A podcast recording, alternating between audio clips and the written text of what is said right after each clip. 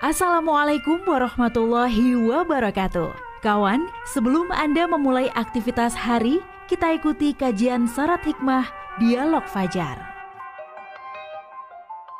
Assalamualaikum warahmatullahi wabarakatuh. Selamat pagi kawan. Kembali hadir program Dialog Fajar di ruang dengar Anda untuk pagi hari ini. Hari yang cerah dan juga semangat baru ya Untuk uh, memulai hari.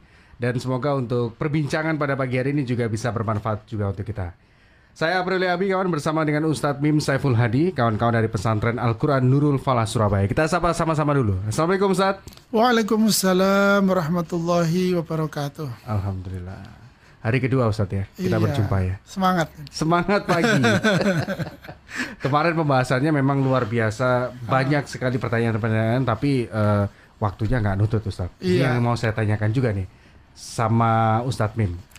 Uh, kemarin kan membahas tentang bagaimana uh, orang-orang perusak itu tipe-tipenya seperti apa gitu. Iya. Tapi sekarang saya mau tanya, gimana? Gimana caranya untuk memimpin supaya tidak nyeleweng? Oh gitu. Ah itu itu juga pertanyaan yang gimana ya caranya kira-kira ya? Kalau kemarin kita petakan uh, beberapa tipenya, sekarang uh. caranya supaya tidak seperti itu. Oke, okay, baik baik. Terima kasih Mas Abi, terima kasih kawan-kawan semuanya. Yep.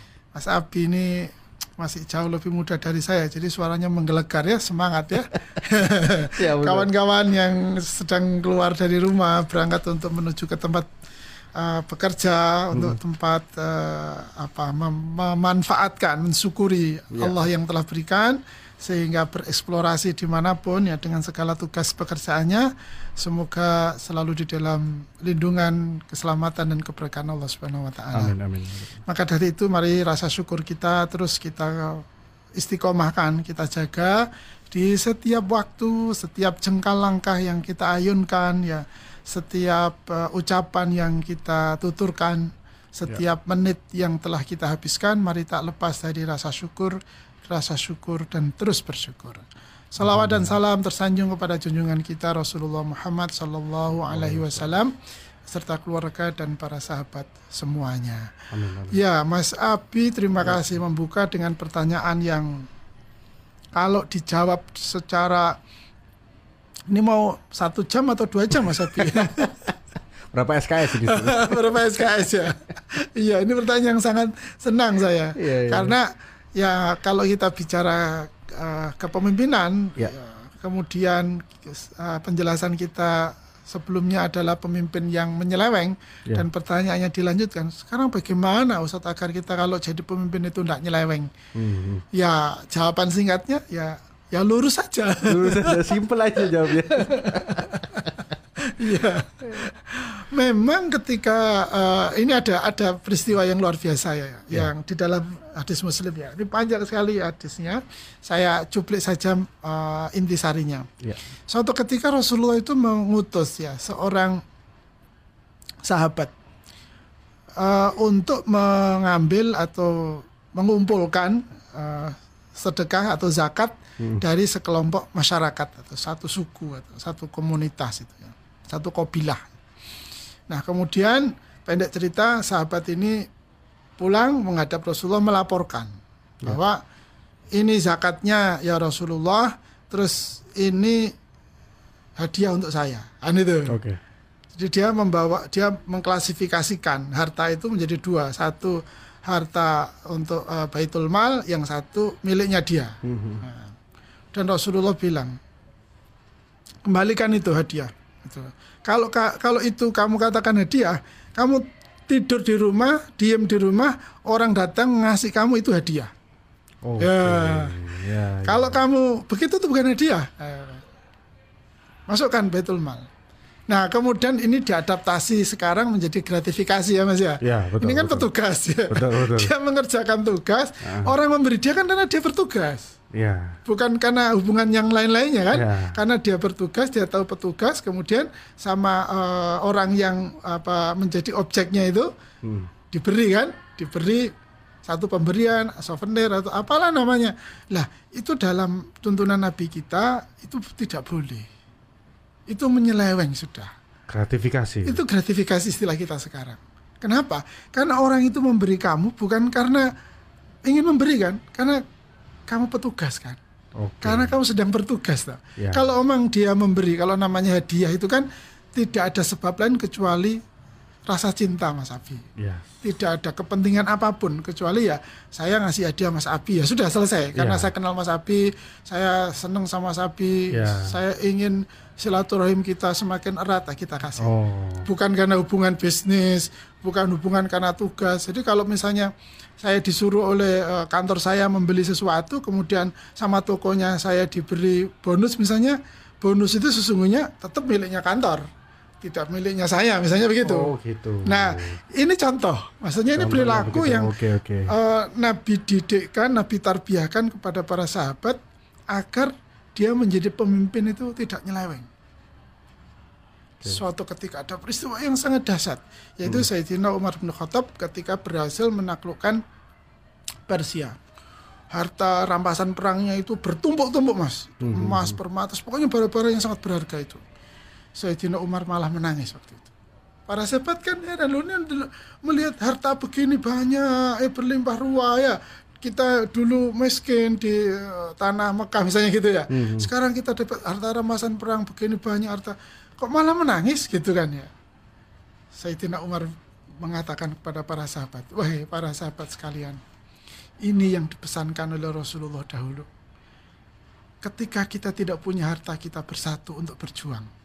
Tetapi ketika harta ini berlimpah, kita akan bertikai karena harta ini. Hmm. Nah, itu.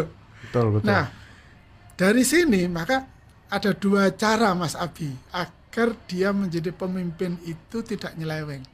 Ya, Ya. yang pertama, pemimpin itu jangan senang menerima hadiah dari orang yang di dalam tanggung jawabnya. Yo sudah sewajarnya, seharusnya kalau dia pemimpin, ya berbuat baik, mem- memberikan perlindungan, Ya. menunaikan haknya terhadap orang-orang atau apa pun yang ada di dalam tanggung jawabnya. Betul. Ojo ngarep-ngarep balen tekok rakyat, bahasanya gitu ya. Nah, itu yang perlu digarisbawahi itu. betul betul betul. Itu kan kata kunci pertama. Kalau tidak ingin nyeleweng, kita ini para pemimpin, saya juga pemimpin ya. Nggih, nggih. Sama kan kalau saya punya anak, anakku misalnya muangkel loh ya Mas Mas Abi Ya, ya. Saya punya anak, naudzubillah min dzalik ada area misalnya anaknya mangkel, no, senau wakal lah misalnya gitu. Apakah kemudian sang ayah akan mengatakan kamu nggak boleh jadi anak saya? Kan Nggak juga. Hmm, hmm. Kalau kemudian dia menjadi orang yang sukses, apakah kemudian sang ayah ini bilang, ayo kamu dulu sudah saya kasih uang SPP berapa, ayo hitung, kembalikan ke saya. Hmm. Kan tentu tidak. Betul. Baik, buruk, menyenangkan, menyusahkan, apa pun yang dilakukan oleh orang yang ada dalam tanggung jawab kita, entah itu namanya rakyat atau anggota keluarga atau warga, kita sebagai pemimpin kan ya harus kita tunaikan. Betul. Dia memberi balasan baik atau buruk bukan tanggung jawab kita, bukan urusan kita. Pokoknya lurus tadi itu, tunaikan kewajibannya. Kita jangan senang ap- mengharap apalagi senang balasan pemberian hadiah yang kemudian menjadi istilah kita gratifikasi dari orang yang ada di dalam tanggung jawab kita. Nah, Ojo ngarep-ngarep balen itu mas. Yang kedua, yang membuat pemimpin-pemimpin siapa pun di mana pun levelnya menyeleweng itu mesti rebutan bondo mas. rebutan bondo. Maksudnya Rebutan gimana bondo, dulu? rebutan harta. Oke, rebutan harta. Iya, rebutan duit. Kan itu, rebutan dunia. Oke. Nah, pembagiannya yang tidak rata misalnya, ini punya aku, ini punyamu. Ya, ya, ya. Pertama yang membuat, eh, kedua yang membuat seorang pemimpin itu menyeleweng adalah ketika dia sudah kedunian, Kedonya. matrek lah. Iya, iya. iya. Jadi pikirannya, idenya, tindakannya itu dalam rangka untuk memperkaya diri. Memperkaya keluarga, memperkaya kolega, grupnya, anggotanya.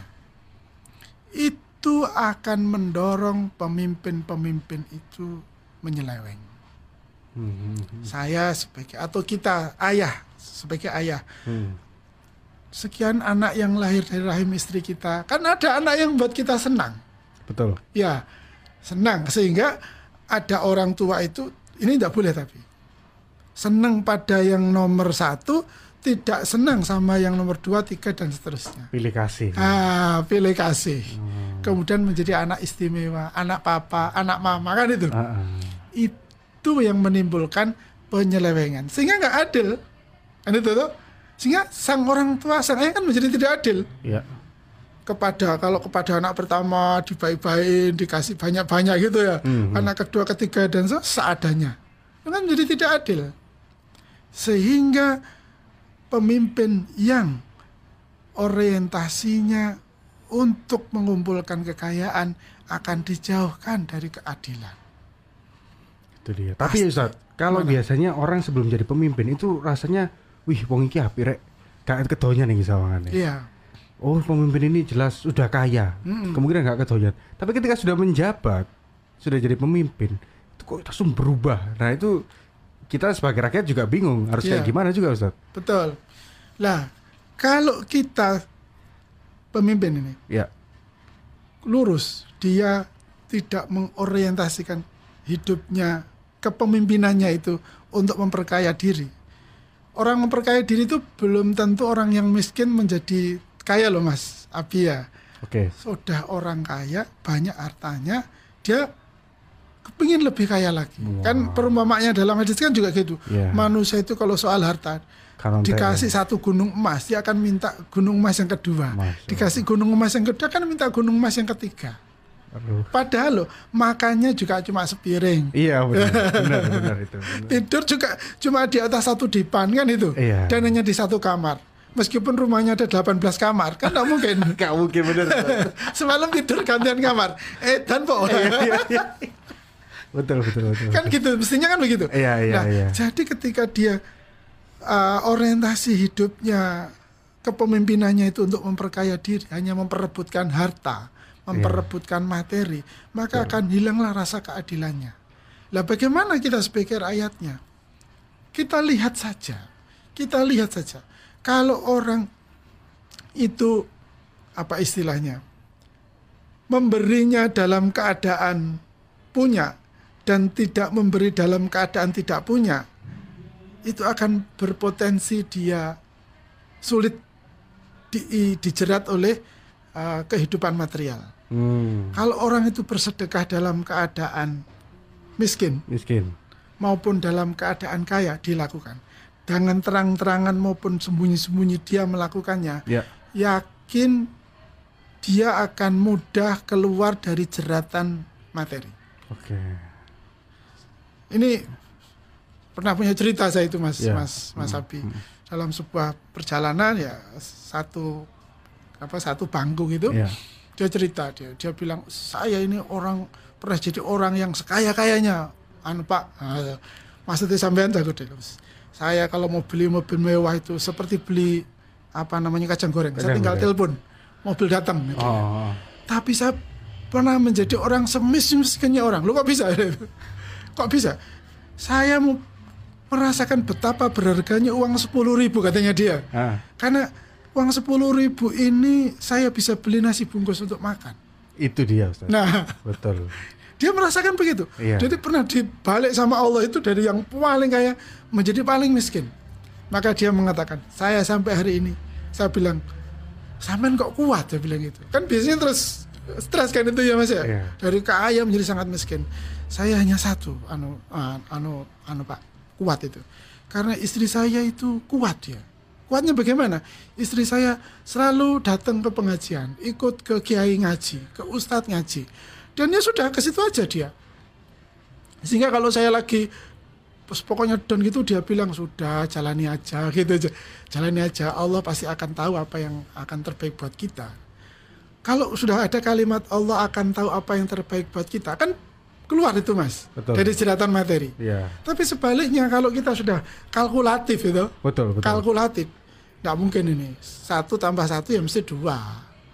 Tiga tambah dua mesti lima. Kalau sudah kalkulatif begitu susah dia akan keluar dari jeratan harta.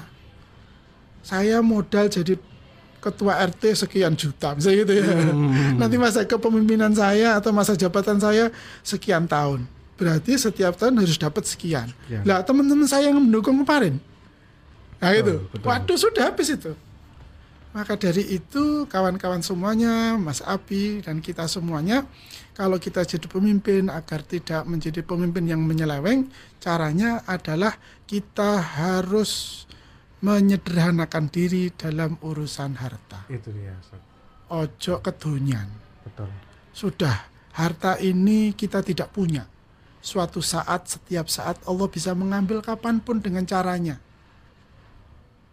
Kalau sudah diambil oleh Allah dengan caranya Allah kita akan berat, akan sulit menghadapinya. Yes. Apalagi kita tidak punya daya lagi sudah, tidak Betul. punya kekuatan lagi sudah. Itu adalah belum mati sudah masuk neraka. Maka dari itu cara agar kita menjadi pemimpin tidak menyeleweng dari sekian cara ini baru dua cara ya Mas Iya, Adi ya. baru dua cara. Yang pertama tadi adalah kita jangan ngarep balen dari orang yang ada dalam kepemimpinan kita. Yang kedua, kita jangan mengorientasikan tugas kepemimpinan Hmm. kita ini terhadap materi. Itu dia. Semoga bermanfaat. Amin. Semoga ya. Tadi Iya. yang kena juga tidur kita cuman satu ranjang begini nggak mungkin kamar 16 ditiduri semua kan nggak mungkin Ustaz. enaknya makan cuma di tenggorokan udah gitu Tapi faktanya kan orang bangun rumah kamarnya banyak. iya bener bener besar besar Buat, iya buat apa itu? apa kolam renang juga buat apa gitu kan semua punya kalau kaya gitu luar biasa Iya, iya, iya. ya, ya, semoga bermanfaat untuk kita Amin, semuanya amin, kawan insyaallah. dan mengawali hari ini dengan cara yang berbahagia dengan eh, pikiran yang positif gitu ya Amin, insyaallah. Saya April Abi bersama dengan Ustadz Mim Saiful Hadi, kawan-kawan dari pesantren Al-Quran Nurul Falah Surabaya mohon undur diri. Terima kasih. Assalamualaikum warahmatullahi wabarakatuh. Waalaikumsalam warahmatullahi wabarakatuh. Program Dialog Fajar yang baru Anda simak kerjasama Suara Surabaya dan Pesantren Al-Quran Nurul Falah Surabaya, lembaga dakwah yang amanah, profesional, dan berbasis Al-Quran. Pesantren Nurul Falah mencetak guru-guru Al-Quran dengan metode tilawati dan tafidz Al-Quran. Informasi dan pemberian donasi hubungi 031 828 1278 atau nurulfalah.org. Wassalamualaikum warahmatullahi wabarakatuh.